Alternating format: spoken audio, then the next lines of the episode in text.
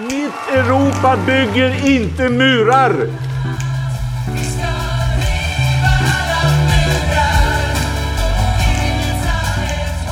Syftet med de åtgärder som vi nu presenterar är att skapa ett andrum för svenskt flyktingmottagande. Mycket av det som regeringen sa igår ställer ju oss vi positiva till och vi tror också att en del av det kan dämpa trycket.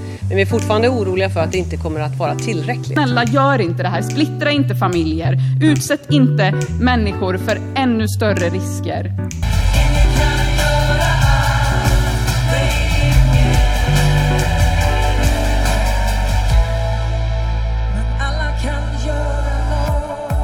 Hej och varmt välkomna till Människor och migration. Podcasten som handlar om migration och om de människor som rör sig över gränser.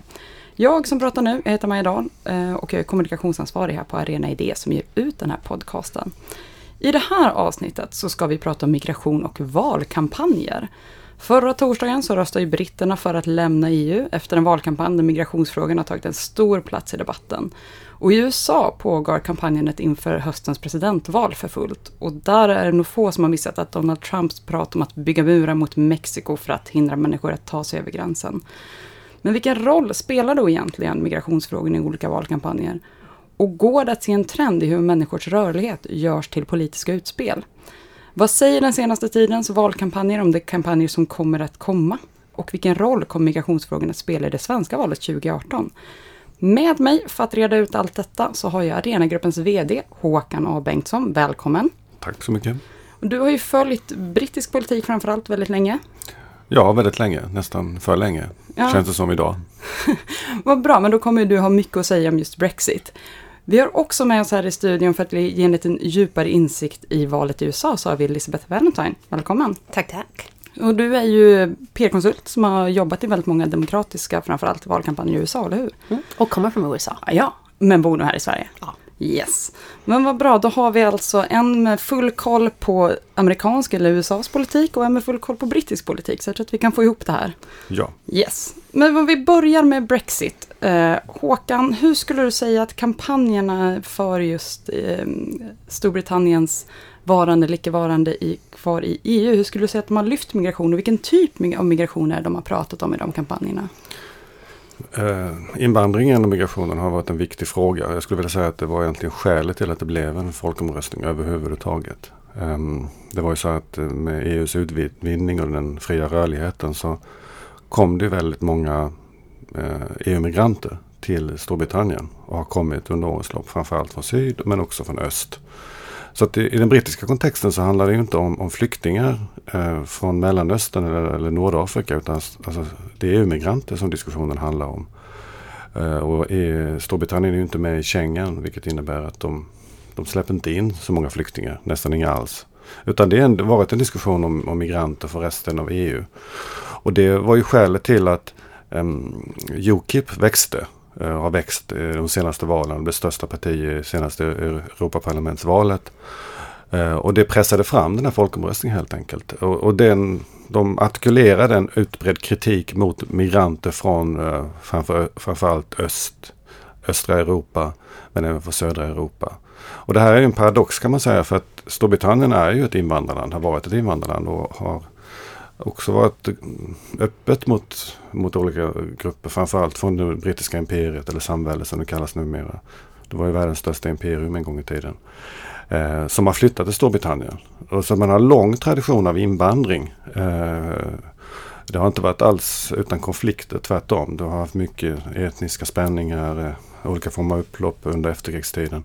Men det är ändå så att Storbritannien har hanterat den mångkulturella utmaningen på ett ganska hyfsat sätt. Vad som har hänt nu de senaste 10-15 åren är att du har fått en ny dimension då av, av, av invandring från andra EU-länder som har artikulerat en ny kritik. Eh, som, som är på sätt och vis väldigt tragisk. Man kan väl säga så här att Storbritannien tidigare har varit en paradox att man har egentligen varit väldigt positiv till invandrare men har pratat illa om invandring.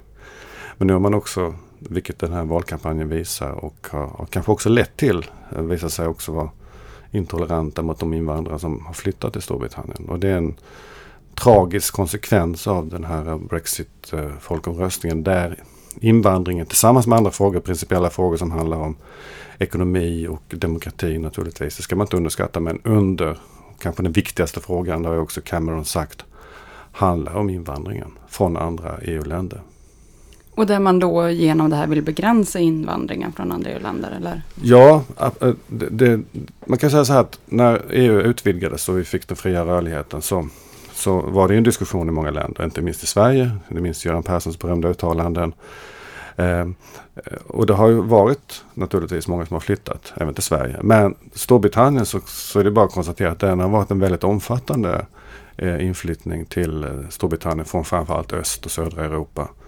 Eh, den är mycket, mycket större än i andra länder. Det finns olika skäl till det. Eh, ett är ju att många kan språket hyfsat. Sen är, är det också så att Storbritannien har blivit lite grann som USA i Europa. Det vill säga att de har en väldigt avreglerad arbetsmarknad. Det är lätt att flytta dit, man kan språket. Det har inneburit att det handlar inte heller bara om invandring till de större städerna som vi har sett tidigare, framförallt London och de större städerna, utan även till mindre orter runt om i landet där du har haft ganska stora kontingenter av personer från Polen eller Baltikum som har flyttat in. Och det har skapat ett enormt misstroende i de här samhällena och konflikter.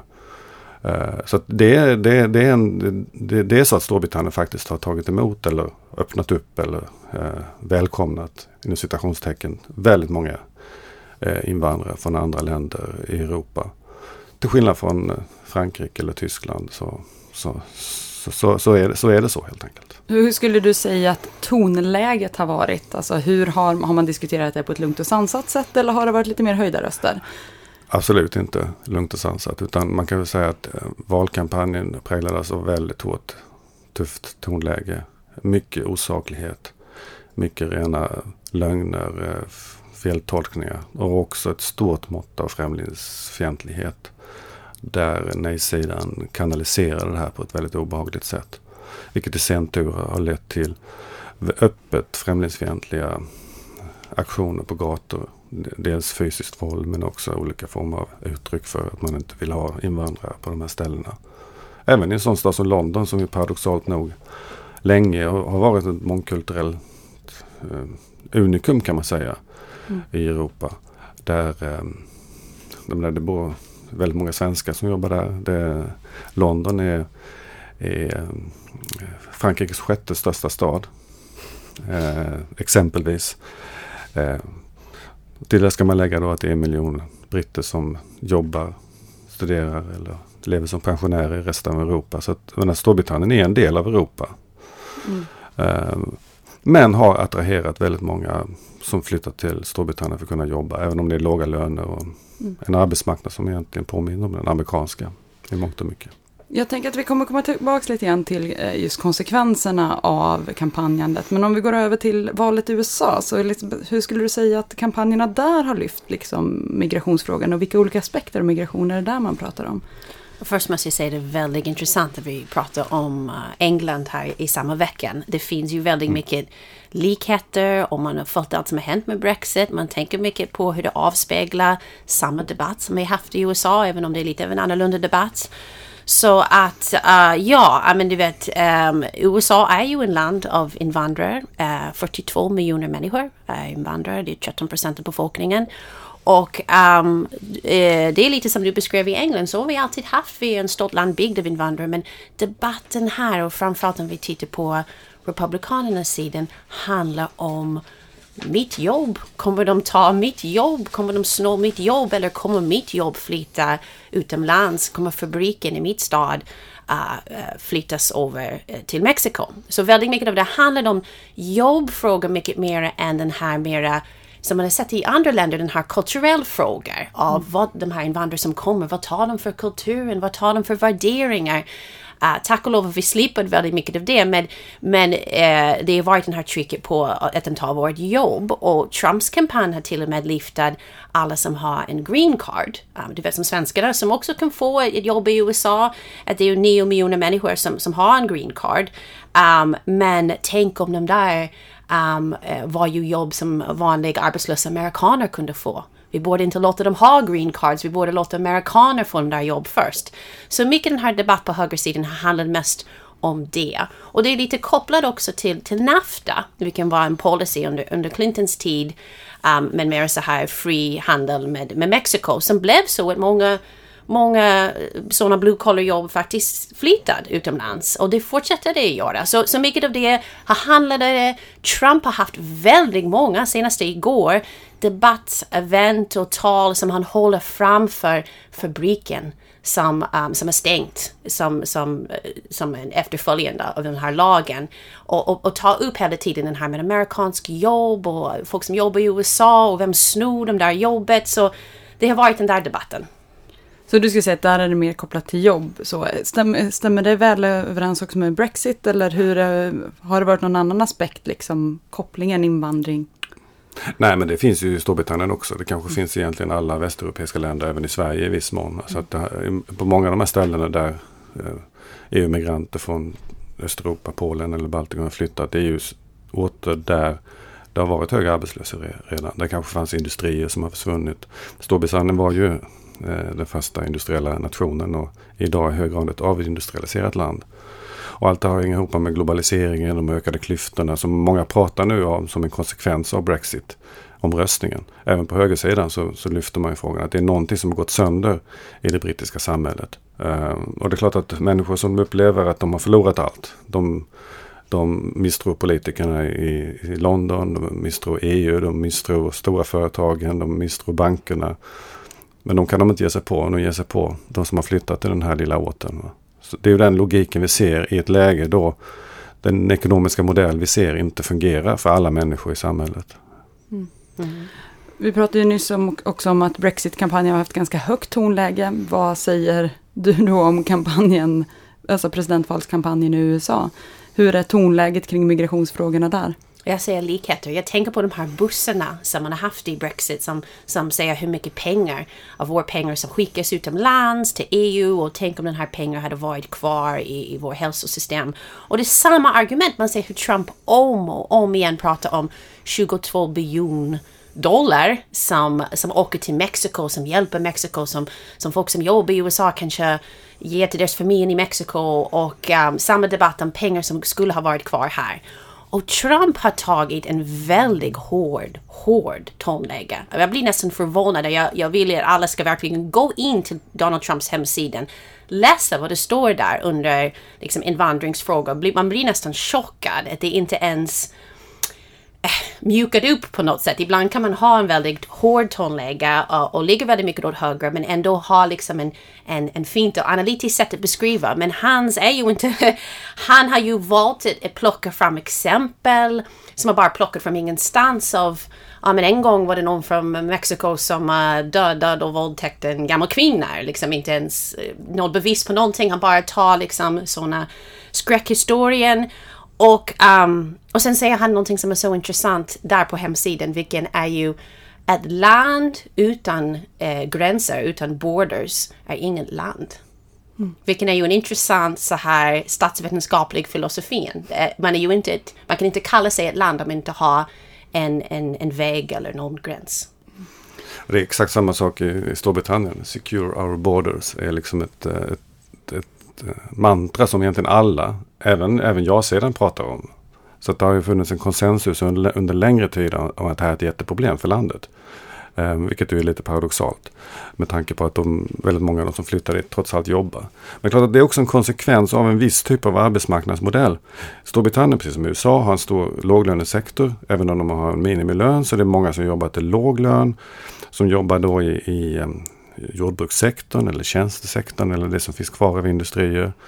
Och det är klart att det finns ju en viss logik i då att kommer det många som flyttar in, då det finns inte något stort tryck på att höja lönerna. Så det är klart att det finns en logik i så att säga, motståndet i den meningen att, att, att um, det är många som känner sig hotade med rätt, med rätt eller fel. Va? Så att uh, en, en annan aspekt av det hela är ju att Storbritannien har valt en modell med låga löner. Det vill säga det är svårt att leva på lönerna. Då har politikerna bestämt sig för att okej, okay, det här är så låga löner så då måste vi göra någonting för att folk ska överleva. Okej, okay, då sänker vi skatterna. Och ni vet ju att Sverige har något som kallas jobbskatteavdrag. Det är inte, så, det är inte Anders Borg som hittat på det. Utan det kommer från USA och det kommer från England som en konsekvens av att du har en lågskattesektor, låglönesektor. För att man ska kunna överleva. Och då tycker då vanliga britter, i citationstecken, att okej, okay, de kommer hit här och jobbar till låga löner men de betalar ingen skatt. Och så ska de ta del av vår välfärd. Va? Så det har skapat någon slags bild av att de här kostar bara. De ger inte något till det brittiska samhället. Så det är på sätt och vis också en konsekvens av en viss typ av arbetsmarknadsmodell, en välfärdsmodell som ställer grupper mot grupper helt enkelt. Mm. Och det är någonting som man verkligen ska fundera på som en erfarenhet av det som hänt i Storbritannien tycker jag. Vad är det, vad är det för vägval man gör? Och vad får det för konsekvenser för sammanhållningen i samhället? Och där ytterst för vilket politiskt vägval ett land som Storbritannien har gjort nu. Mm. Jag måste också påpeka på den amerikanska sidan, för det är väldigt lätt att bara prata om Trump och säga på högersidan, de tar den här negativa tonfall. Men tittar man även på Demokraterna jag tycker det är intressant varje gång Hillary Clinton ska någonsin nämna någonting med invandringsfrågor. Hon säger alltid exakt samma uttryck. Vilken är comprehensive immigration reform. Hon säger alltid comprehensive immigration reform. Och ingen riktigt säker vad den där betyder. Men det säger någonting att även på den där sidan de, de erkänner att det, det är inte riktigt gott som vi hade hoppats. Någonting är lite fel och nu ska vi bara tweaka det och fixa det och göra det jättebra. Men det på något sätt erkänner något fel i systemet, Vilket bekräftar lite vad Donald Trump säger. Så hon, hon, det är inte som att Trump säger massor negativa saker och sen på demokratisk sida man säger nej men allt är fantastiskt, det här är bara talang till vårt land och det är bara vi lever i det globala samhället. Utan man säger vi måste också fixa det med comprehensive reforms. Och det handlar också mycket om, på den demokratiska sidan, det handlar mycket om att stödja den här Dream Act. Dream Act som Obama hade som har, som har haft så många problem med, med att ge vad säger man, ge en slags amnesti till barn som, som uh, kom från Mexiko med deras föräldrar som barn och är ju inte medborgare men växte upp i USA. Och hur ska de komma in i jobbmarknad och studera utan att vara medborgare och ge dem någon slags um, uh, medborgarskap. Uh, och det har liksom uh, inte riktigt kommit hela vägen men Hillary liksom har ju pratat mycket om det och, um, och, och framtidstalanger som går förlorade. Mm. Och där finns en parallell till Storbritannien. Det här är inte något som kommer bara som en blixt från klar himmel utan en diskussion. Och, diskussion är kanske väl mycket sagt men det är ändå en fråga som har varit växande i den, i den, i den allmänna opinionen och även den politiska diskussionen under en längre tid. Jag var i London över någon valrörelse, jag minns inte vilken men det är åtminstone 6-7 år sedan. Där man intervjuade folk på gatan i Brighton tror jag det var. Och jag jag tror, då, då ställde man frågan i, i den här tv-kanalen, jag tror det var BBC. Vilken är den viktigaste politiska frågan? Vad tror ni nio av tio sa? Invandringen. Så det här är en fråga som har växt under längre tid mm. i den brittiska eh, allmänheten. Och de politiska partierna har successivt anpassat sig till det här. Ukip är ju extrema naturligtvis. Men såväl de konservativa som Labour och även Liberaldemokraterna som tidigare varit de mest EU-vänliga har i sina senaste valmanifest varit väldigt tydliga med att vi ska begränsa invandringen. Så att det, här är, det här är någonting som har växt fram under en lång tid eh, i den brittiska debatten och det brittiska samhället. Och nu exploderar det, kan man säga, i den här Brexit-omröstningen.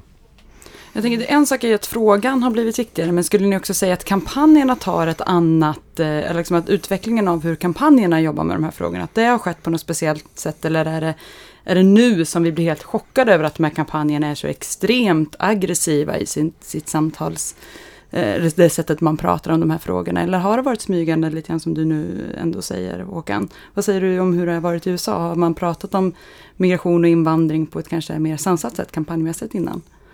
Och det beror på vad ligger uppe i luften, för det finns ju olika vinklar man kan ta med invandringsfrågor. Vi har sett det även i kampanjen. Nu har vi fokuserat väldigt mycket om hur det kan vara en jobbfråga och de har stängt min fabrikfråga.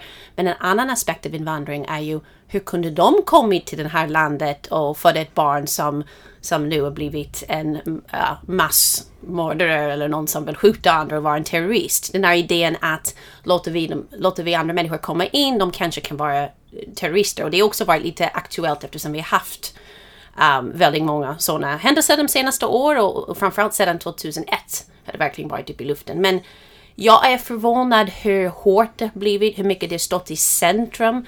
De flesta amerikaner lever inte i deras, i deras vardagsliv. De, alltså en, en sånt...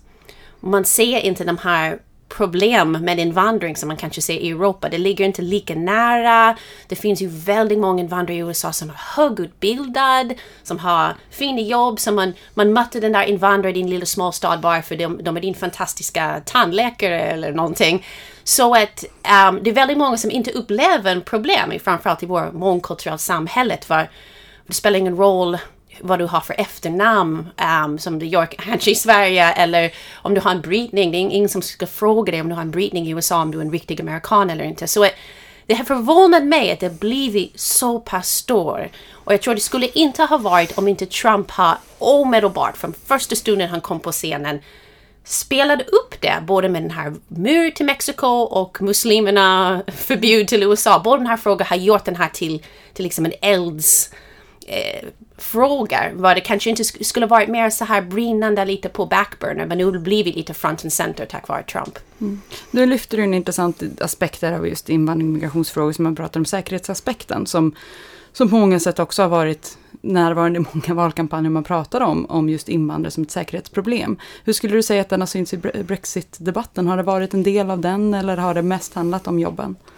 Nej, det har funnits med naturligtvis. Och det finns ju en parallell mellan eh, Storbritannien och, och, och USA som då har varit en del av så att säga, Bush och Blair hade ju en allians och gick in i kriget i, i Irak. Så att det är klart att man är, man är mer så här, den eh, säkerhetsdiskussionen är, är, är mer aktuell i någon mening i Storbritannien. Eh, och den är liksom hela tiden aktuell. Det är, det är en kärnvapenvakt, det är, det är ett stort land. Eh, så att den, den finns med hela tiden. Man kan väl säga så här att det har inte handlat bara om EU-migranter utan den här frågan om Turkiets eventuella framtida medlemskap har ju varit eh, också någonting som har använts av, av, av, av Brexit-anhängarna. Som, en, som, en, som ett eh, exempel på att om, om Turkiet kommer in som medlem så kommer det 8 miljoner muslimer till eh, Storbritannien. Och det, det, det har spelat sin roll naturligtvis underliggande allt som är förknippat då idag med, med, med invandring från de här länderna. Så att det, det, det, det finns med som en bakgrund skulle jag vilja säga. Även om jag inte tror att det varit det som hade varit det viktigaste just i den här valkampanjen. Men jag är också förvånad över hur, hur högt tonläget har varit i den brittiska folkomröstningen. Generellt sett så är det en tuff politisk kultur. Betydligt, både USA och Storbritannien är betydligt tuffare. Får man säga än vad Sverige är exempelvis. Vi har lite mer nedtonad politisk debatt i alla fall. Har haft det hittills. Det kanske förändras även här. Men sen är det också så att folkomröstningar generellt har ju en tendens att bli tillspetsade. För att det handlar om att välja det ena eller andra. Det finns inga utvägar. Antingen blir det ja eller nej. Visserligen kan man i vissa folkomröstningar ha tre alternativ som Sverige hade i folkomröstningen om kärnkraft. Och de har delvis löst problemet. Men vi har fortfarande kvar problemet. Mm. Jag tänkte att vi ska prata lite grann om de här konsekvenserna också av det här tonläget. Och det har vi det har ju diskuterat framförallt en del i media om just samtalsklimaten kring de här olika kampanjerna och vad det har lett till. Där jag då kanske främst tänker på mordet på Joe Cox och attacken i Orlando. Eh, Med bara några dagars mellanrum så skedde då de här två attackerna som på olika sätt är då förankrade i den politik och det samtalsklimat som har varit i de här olika kampanjerna. I Storbritannien sköts och knivhöggs den brittiska politikern Joe Cox till döds av en man som sen i då förhandlingarna efter rådet sa att hans namn var Death to Traders Freedom for Britain och fyra dagar innan mordet på Joe Cox så gick en man in på nattklubben Pulse i Orlando och dödade 49 personer och skadade 53. Och i det här fallet så lever ju inte gärningsmannen längre, eh, så att man får ju mer gissa kring motiven. Men där kan man ju ändå se att Pulse är en hbtq-klubb som just den här kvällen hade Latin Saturday. Och det här är ju två grupper, liksom hbtq-personer och latinos som är- är extremt utsatta i det politiska klimatet som är i USA just nu. Inte minst då med tanke på Donald Trumps då upp, eh, alltså diskussioner kring latinos och bygga murar. Hur skulle ni säga att de här olika kampanjerna då dels har hanterat de här två olika händelserna, men också vilket ansvar har man för att sådana här saker sker under kampanjtider när de här frågorna är så heta? Eh, om vi börjar med dig Elisabeth. Um, det blev nästan en slags perfect storm med den här tragedin i Orlando. Att alla de här frågorna, alla de här brinnande samhällsfrågor som vi pratar om, precis som du beskrev, ryms i en och samma tragisk händelse. Det var- är den här en HBQT um, grej eller en latino grej eller är den här en vapenfråga eller en vandringsfråga. Alla de här, eller muslimsk fråga, allt den här bakas in och republikansk sidan har valt att, att, att ta den där som ett, del av, av beviset. Ser du, det, det är ju farligt med, um, med folk, vi måste ha riktigt koll på de som kommer från andra länder, de som är muslim, att de, um, att de är okej. Och Demokraterna har ju nästan inte nämnt det alls. De har inte tagit så mycket av en sånt invandrings migrationsperspektiv utan mera vapenfrågor, vilket är en helt annan grej. Men, men de har behandlat det och, och när Hillary har pratat om det som han, om han hade varit vilken kille som helst. Om det hade varit bara en, en vanlig vit galna galen man som hade gått in där. Och det hade varit en vanlig nattklubb, inte en HBQ-T-klubb. Eh, det var lite den där perspektiv som Demokraterna har tagit. Den handlar om vapen. Och vi kan inte låta folk ha vapen bara. Um, mellan så här, Republikanerna har tagit mycket mer av den som en Uh, och, och, mycket av det här handlar för Trump som lite I told you so. Och det är väldigt många så statsvetare som har sagt det är väldigt bra för Trump varje gång en sån liten min, mini-händelse kan man säga händer när 20 till 50 folk dör. I um, istället för liksom om vi hade någon tragedi som var du vet, tusentals, miljoner människor i USA som, som, För då måste man visa en helt annan slags ledarskap, en helt annan slags krishantering. Men när man har lilla, kan man säga små händelser, vad hände i San Bernardino blev också en så här jätte upptick för Trump i antal röster. Vad händer nu i Orlando har blivit bra för honom. Det hjälper honom när det är de här lilla mindre tragiska händelser som, som folk känner en, en sånt oro um, eh, än, än, än om det hade varit en mer komplex händelse som krävs att man, man kan diplomati eller utrikespolitik. Men den här är ju, kan man säga, om man tar den krass här statsvetenskaplig ögon, det är ju, det är ju liksom optimalt för Trump. Det är bra om det blir sådana um, saker som han kan säga, ja ah, men det är som jag sa. I mm. told you so. Om vi hade gjort som jag säger, den här skulle inte ha hänt. Mm. Skulle du säga att det finns något ansvar kring, eh, alltså för just valkampanjer att inte piska upp ett sånt hat? Alltså har, har de något ansvar att skulle en sån här händelse kunna hänt utan den senaste tidens debattklimat? Ja, och det är det som många tycker Trump har ju, hans attityd, den här lilla I told you so, är ju någonting som upprör väldigt många. Att den här responsen efter en sån tragedi, mm. det, det, är ju inte statsmannamässig att komma mm. ut och bara omedelbart prata som han gjorde. Um, att inte riktigt prata um, som en statsman, och lite mer lösningsorienterad, lite mer um, utan omedelbart gå in och säga, ja men säger du, det, ju, det bekräftar vad jag tycker och tänker och inte riktigt pausa, reflektera. Men Hillary Clinton har valt en mer klassisk respons som man skulle nästan gissa en politiker gör. Hur man beklagar och sörjer. Nu pratar vi lite lösningsorienterad på en sansad sätt. Men han är ju, som du säger, hetsat upp det lite och tagit allt de här händelserna som någonting som allt blir en bevis av hans teorier. Mm. Vad skulle du säga då Håkan om man tänker till Storbritannien och då det här mordet på Joe Cox? Ja det är ju väldigt tydligt att det har en koppling till invandringsfrågan och till folkomröstningen. Jag menar, hon var en symbol, hon var Labourpolitiker. Hon var väldigt tydlig i att Storbritannien skulle visa större solidaritet med flyktingar från Syrien och så vidare. Hon var en aktiv människorättsaktivist. Um, så hon var säkert en symbol för den här högerextrema personen som uh, då i någon mening har inspirerats både av kampanjen och olika högerextrema grupper. Um, så han kan man säga är någon slags um, ungefär som Breivik som person naturligtvis. Det är en politiskt motiverat. Hon hittar, hittar då en, en försvarslös människa som, som, som, som han då mördar på ett förfärligt sätt. Och det, man kan väl säga så här att reaktionerna var väl värdiga från de här två kampanjerna. Man, man tog paus. Både, både de som ville lämna och de som ville stanna under ett antal dagar. Så i den meningen var det väl ett uttryck för eftertanke. Och sen körde det igång igen på mm. något sätt. Eh, kanske inte lika aggressivt som tidigare men det som är problemet är ju att eh, ord leder ibland till handling. Och jag tycker generellt i den politiska debatten, det gäller även i Sverige faktiskt, i den offentliga debatten så är det så lätt till att ta till överord. Va? Att ta, ta, ta och hetsa upp stämningen och göra personangrepp. Eh, eh, och det, det, vi har ju sett två stycken politikermord i det här landet. Anna Lindh mördades under en folkomröstning. Dessutom handlade det om att koppla till EU det var en juryomröstning. Olof Palme blev mördad inte så långt härifrån. Han var också en symbol som var utsatt för den här typen av demonisering och hat eh, under en väldigt lång period. Och det, det, förr eller senare så är det någon som, som tar de här orden, de här påhoppen, det här hatet, de här eh, otroliga överdrifterna i den politiska debatten som drivs av en del officiella representanter eller av undervegetationen och så gör handling av det. Ord, handling föregås dessvärre ibland av ord. Och därför så har de som är del av den offentliga debatten, de som driver kampanjer, som är aktiva i politiska partier och organisationer, ett ansvar för att vara nyanserade och sakliga. Och det tycker jag att man kan efterlysa eh, även i Sverige. Mm.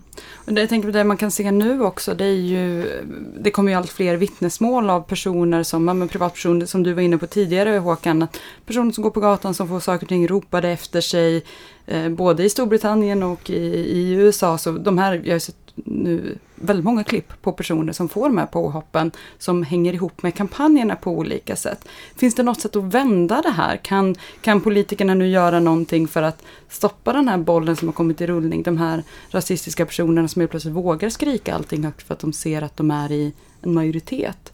Vad, vad tänker ni? Vad kan man göra liksom för att dämpa det här hatet som finns? Mm, och det finns ju mycket, jag måste också påpeka, um, de har ju frågat folk som stödjer Trump och de som stödjer Hillary om du tycker invandrare eller en börda eller inte, liksom en burden till samhället. Och 69 procent av Trumps väljare, 69 procent tycker mm. att invandrare är ju en burden och 17 procent för Hillary Clinton. Så väldigt få för Hillary Clinton, 17 procent betyder liksom nästan 70-80 eh, Eh, är ju okej okay med det men i Trumps fall 69 procent som, som tycker de här folk är ju uh, en börda. Och um, det är ju väldigt, det är det jag oroar mig om med Trumps kampanj. För som sagt, jag tror han har väckt upp någonting i USA. Vi var ju inte ett land var som, som den där var fråga nummer ett. Om du skulle ha frågat mig för ett år sedan Trump ska göra ett stort tal. Han vill säga några så här spännande saker. Vad tror du han kommer prata om i det här talet? Jag skulle inte gissat att han skulle stå där uppe och säga Donald J. Trump is calling for a total ban on Muslims entering the US. Man skulle aldrig gissa det, för det var, det, debatten i USA hade inte gått så långt. Det inte varit så hårt. Um, och som sagt, de flesta folk upplever ingen Inga problem i deras vardag. Snarare att de har ju ett, ett, ett, ett, mer av en tillgång och framförallt om vi pratar om muslimerna. Jag måste påpeka hela tiden om det här. för Muslimerna i USA, om man ska prata liksom så här stora dragen. De, de lever inte så här i isolerade ghettos, om, om du tänker lite hur det är i Frankrike eller Bryssel. Utan de lever som en del av samhället och ofta så här högutbildad väldigt aktiv i lokalsamhället. Um, det har inte alls varit en sånt... Um, jag kommer ihåg efter 11 september, det var väldigt många som hade väldigt svårt att fatta. Men vänta, varför, varför skulle den där folkgrupp vara bakom 11 september? Jag fattar inte. Liksom. Vad, vad, vad, vad är det som de har? Um, för de är ju så pass integrerade i USA så han har väckt upp någonting. Och det, det är liksom en, en stor, ja men du vet, uh, generalbild av den hela. Det är klart det finns massor av enskilda exempel. Men, um, men jag, jag känner som han har väckt upp någonting som var inte riktigt på den första nummer ett fråga om den där som stör mig mest kan man säga. Mm. Nej men det handlar väl också om att alla som är del av den offentliga debatten måste ta sitt ansvar. Och, och vara sansade och, och nyanserade och inte falla för den här typen av retorik. Det är inte så lätt naturligtvis. Idag är medielandskapet också väldigt eh, pluralistiskt och komplext som du vet. Så det, det, är, det är en stor utmaning och vi, det finns ju sådana tendenser också i Sverige naturligtvis. Um, det man kan säga är ju att invandrarfrågan kan ju också förstärkas av att man pratar mer om den. Och jag menar, i, i, tidigare har det varit så att invandrarfrågan generellt har varit relativt lågt när, när människor har sagt vilka frågor som är högt prioriterade för dem. Jag tror det är sjunde plats eller något sånt där. Sen finns det en grupp som tycker det här är jätteviktigt och de har röstat på Sverigedemokraterna och gör det i allt högre grad. Men klart att ju mer debatten kommer igång så lever den sitt eget liv och man skapar en föreställning av att det här är ett jätteproblem. Även om man inte upplever det som ett problem själv så är det någon annan som har problem. Mm. Och det där är ju något man måste fundera på hur, hur medierna, politikerna agerar, hur vi alla agerar när det gäller att beskriva situationer i det svenska samhället. Eh, det är egentligen det det handlar om tycker jag. För att undvika att det här blir någon slags eh, eh, historia som lever sitt eget liv som kanske inte har så mycket med verkligheten att göra alltid. Mm. Och därmed också understödja den här typen av, av främlingsrädsla och främlingsfientlighet. Jag tänkte att vi skulle börja titta lite framåt också. För att vi går ju nu för, inför en höst och presidentvalskampanjen i USA då kliver in i nästa steg. Istället för då att kampanja för sitt partis nominering så kommer vi komma fram till kampanjen som handlar om vem som faktiskt blir USAs nästa president. Vad kan vi förvänta oss kommer ske nu, Elisabeth, Vad tror du, liksom kommer kampanjerna bli mer återhållsamma eller är det så att vi bara har sett början? Donald Trump är nästan tvungen, om vi tar honom, att bli lite mer återhållsamma. Um, det är den här kritiken hans kampanj har fått. Du vet, I USA har vi en delat system. Först har man primärvalen, vilket är ju någonting var man måste övertyga din egen parti och, och framförallt extrema krafter i din egen parti. Sen kommer man nu till, till efter primärvalen, nu den här, vad vi kallar för den här general election, vad man måste övertyga vanliga rösterna på båda sidorna om man ska vinna. Och alla säger till Donald Trump, du måste vara lite, ta det lugnt nu och vara lite mera policyfokused um, uh, om du ska vinna. Så det är någonting man har sagt med Donald Trump, förutom han har rensat lite hans stab och håller på att anställa lite mer uh, rutinerade folk. Nästan alla tal man ser som Donald Trump håller nu är ju um, förberedd tal som han läser nu från en manus och det är lite mer, det är lite mindre av den här uh, vad vi skulle kalla för inflammatory language. Så mm. man ser, man hoppas, men man ser en Donald Trump som uh, på något sätt håller på att, att, att ta liksom en mer lugnare tonfall. Därför är jag så förvånad när man går in på hans webbsida. Mm. Och att den där är ju fortfarande som en som vad vi skulle kalla för liksom en inflammatory tract eller någonting. Det är ju skriven som någonting man får, om du har någonsin fått på gatan, om ni har varit på någon folkfestival, det kommer upp någon så här som har ju någon typ handskriven galen um, eh, politiskt påstående. Det nästan är ju som en sånt på hans webbsida. Det är inte riktigt baserat i fakta, i någon analys. Jag hade väldigt svårt att följa med Donald Trumps resonemang hur många invandrare är ju från Mexiko? Hur många av dem har ju faktiskt gjort en brott här? Om du börjar räkna runt de här konstiga siffrorna som han räknar runt. Um, ja, eh, och för, för han bara liksom säga de här sakerna. Mm. Men är inte det lite oroande för USA, om man tittar på Storbritannien? Att, att Trump har den här dubbelheten. Å ena sidan kanske kommer framställas som lite mer försiktig. Och samtidigt spela på den här starkt populistiska ådran på en och samma gång. Det vill säga att han kan attrahera både och mobilisera de här som är väldigt arga.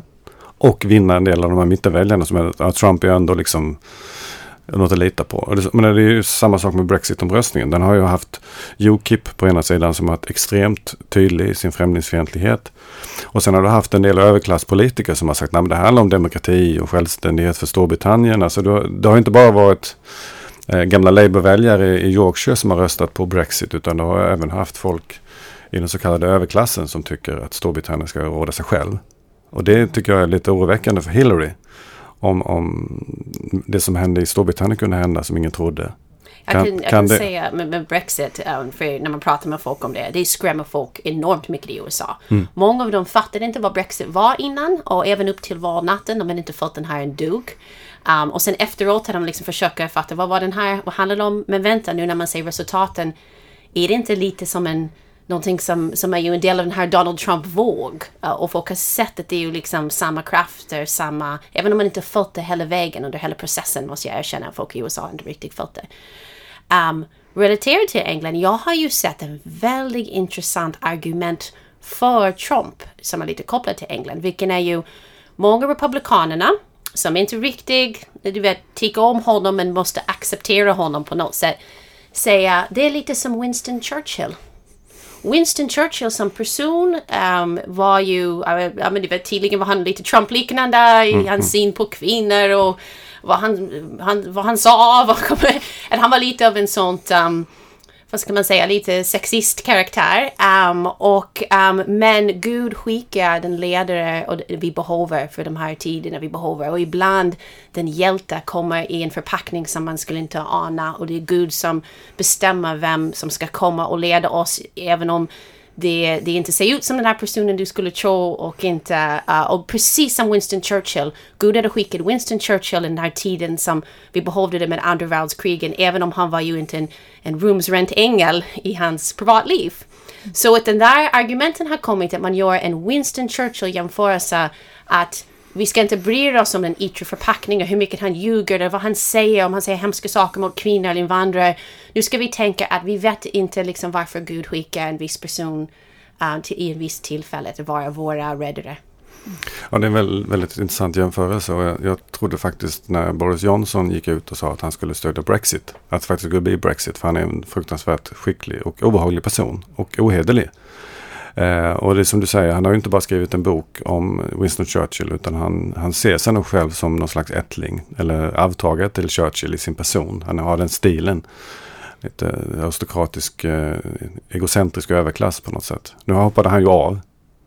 Men å andra sidan så är det mycket som tyder på att det blir Theresa May. Hon är väl en, en Thatcher för 2010-talet. Men i hennes handväska så är det en stor dos av invandringsfientlighet skulle jag vilja säga.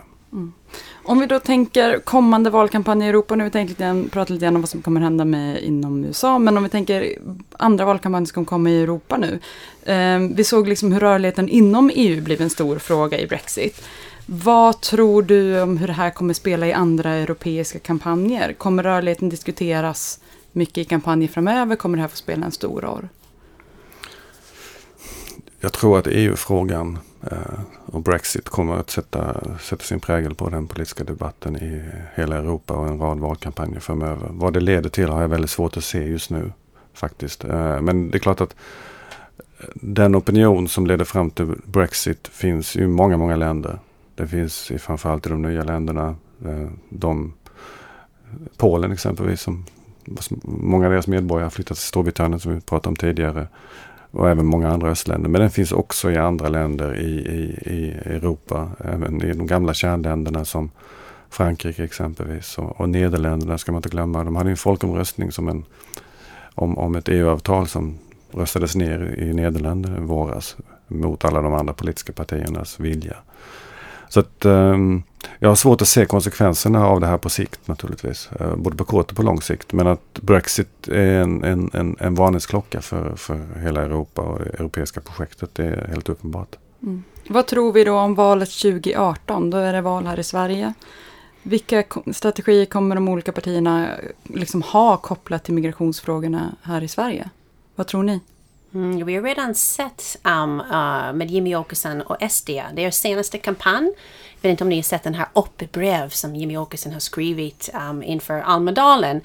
Och um, jag ska citera den här brevet. Det är inte så ofta man citerar Jimmy Åkesson kanske på en arena podd. Men är väldigt, man måste nästan ta en mening eller två från det. För ni förstår vad, vad de här är på väg och hur de har också valt, lite som med Trumps kampanj, att att ta mer av en målande berättelse. Um, baserar lite på känslor och, och, inte så mycket så här renodlad fakta, men bygga upp en sån berättelse. Men han säger att konflikten, det här är Jimmy som pratar, konflikten i svenska samhället idag handlar inte om hudfärg, kön, sexuell ledning och klass. Inte heller handlar mellan, mellan de som inte heller mellan de som är födda i landet och de som är inte födda i landet. Konflikten är mellan de som är beredda att anstränga sig, att göra insats och de som är inte det. Mellan, mellan de som bygger bilarna och de som bränner bilen. Så han tar mycket mer, som vi har sett väldigt mycket i USA.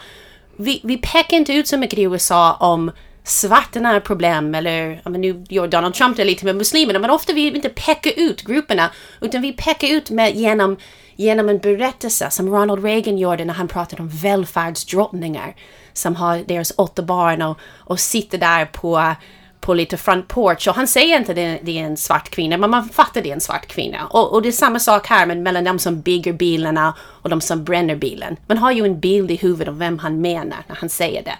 Vem är det som bygger bilen på den här fabriken i Göteborg och hur ser de ut och hur ser de ut som kanske vill brinna en bil? Du har den här bilden i huvudet. Så att jag ser med det här brevet lite den här trumpifiering av hur man väljer att prata om det här budskapet och hur man målar upp det med bilder och hur de som partiet kommer prata mindre om um, invandrarproblem. Utan invandrare kan vara jättehäftig men problemen är ju folk i vårt land som inte anstränger sig. Mm. Säger honom. Jo, och de andra partierna, det, det tror jag är helt riktigt. Men de andra partierna som Sverige, Socialdemokraterna, de, ehm, de pratar ju om den svenska modellen. Och det är inget ont i det, men det är klart att det är ett sätt för deras del att säga att vi står upp för Sverige. men den svenska modellen. Det är väl, tror jag, ett försök att, så att säga, matcha Sverigedemokraterna. Um, inget ont i det. Uh, men det är klart att ordet svensk då är naturligtvis en signal uh, till, till uh, en viss typ av väljare. om att de, det här partiet står upp för, för Sverige på något sätt. Och de andra partierna så är det uppenbart att både Moderaterna och KD anpassar sig, har dragit åt höger, En mer konservativ och restriktiv hållning väldigt starkt. Um, Centern har en annan position, hur det är med Folkpartiet vet jag inte. Men det, det, det, det, är en, det kommer vara ett annat landskap när, i nästa valrörelse, den saken är klar. Uh, alla förhåller sig på ett eller annat sätt till att Sverigedemokraterna nu inte längre är ett parti som kanske är på 18, 19, 20 procent. Och det, i den meningen så har Sverige blivit mer likt andra europeiska länder. Mm. Den sista frågan som jag har här nu är kanske då den som jag tänker också är svårast att besvara. Det, vi sparade liksom klurigaste till sist.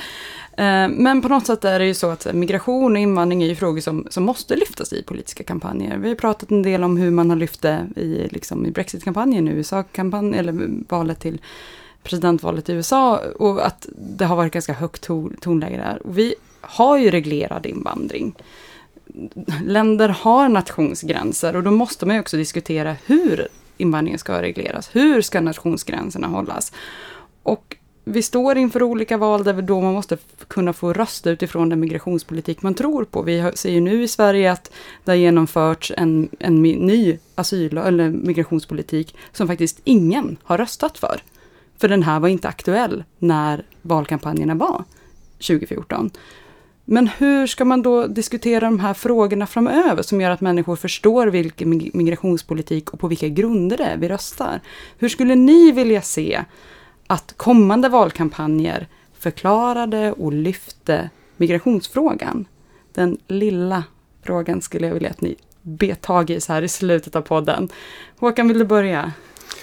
Jag tror att eh, om man börjar med hur nästa valrörelse kommer att se ut, så tror jag att eh, nu är det ju färre som kommer till Sverige av olika skäl. Det ena är ju att EU har stängt gränserna med sina åtgärder mot Turkiet och, och, så vidare. Så att det kommer inte speciellt många hit. Och EU har ju då misslyckats som politiskt projekt i den här frågan. Det är helt uppenbart. Eh, och Sverige har också då infört en restriktiv politik som man kan säga mycket om.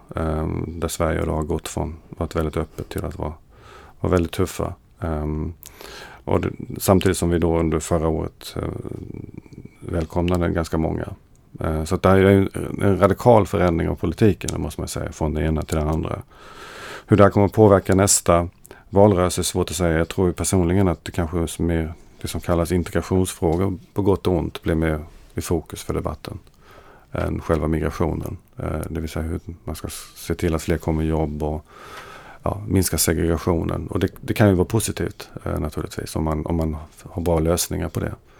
Eh, jag är inte så säker på att det nödvändigtvis blir så. Om man tittar på en del kvällstidningar så är det väldigt mycket fokus på gängkriminalitet och sådana saker. Vilket kan spela eh, en annan politisk roll i debatten skulle jag vilja säga.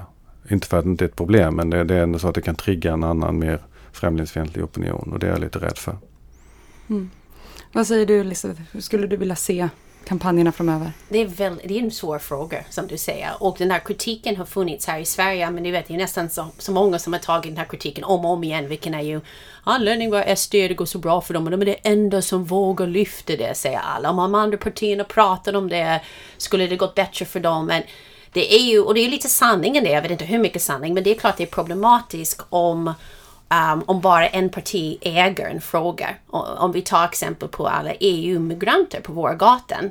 Tydligen måste man ha någon policy, men om bara en parti verkligen säger någonting om det, och det är ju SD, det blir liksom som alla som har någon åsikter ska dras till dem um, och inte någon annan parti, som ingen annan parti vågar ta.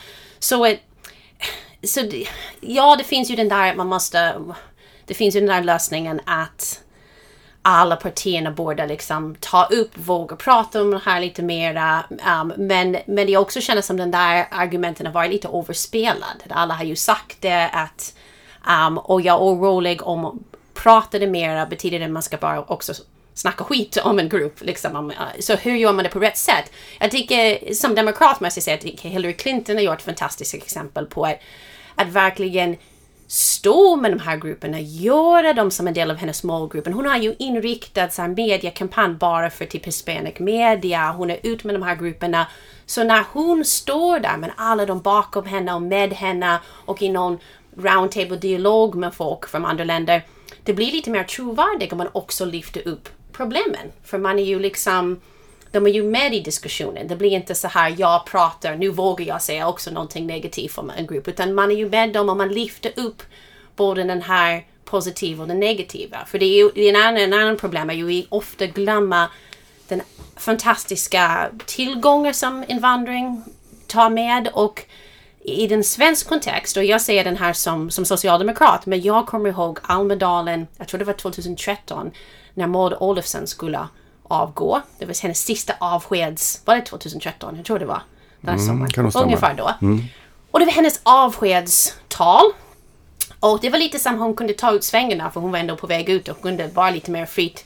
Och det var en sån fantastisk tal som verkligen pratade om den talanger, den tillgångar som, som folk som mig själv tar till ett land som, som jag hade aldrig, som nästan präglade mig djupt. För jag hade aldrig hört en svensk politiker prata om det på de här termerna.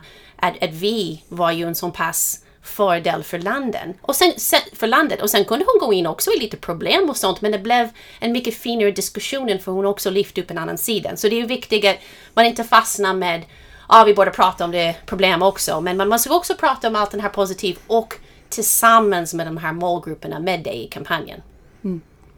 Om man ska återgå till Storbritannien så kan man ju bara, trots allt om man ska peka på något positivt, eh, nämna att eh, London fick en ny borgmästare för inte så länge sedan som eh, har en muslimsk bakgrund.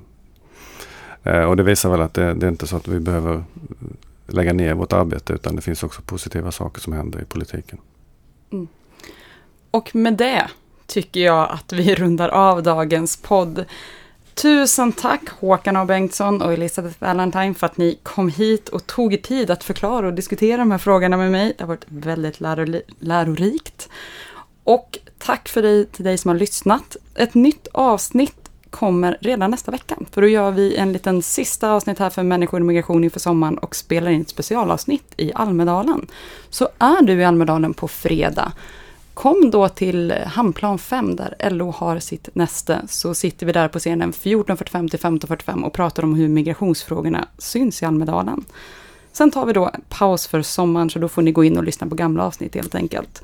Om du vill lyssna på något annat som Arena Idé har gett ut så kan du lyssna på vår syskonpodd Pengar och politik eller på Arena Play där Arena Idé lägger ut sina seminarier. Eh, och de hittar ni via Soundcloud eller iTunes eller där du lyssnar på poddar. Du kan även lyssna på Arenagruppens eh, andra podcast, nämligen Dagens Arenas ledarpodd. Finns på samma ställen som alla andra poddar finns. Eh, med det sagt så vill jag tacka för idag. Tack Håkan och tack Elisabeth och tack till dig som har lyssnat. Vi hörs igen om en vecka. Ha det, hej!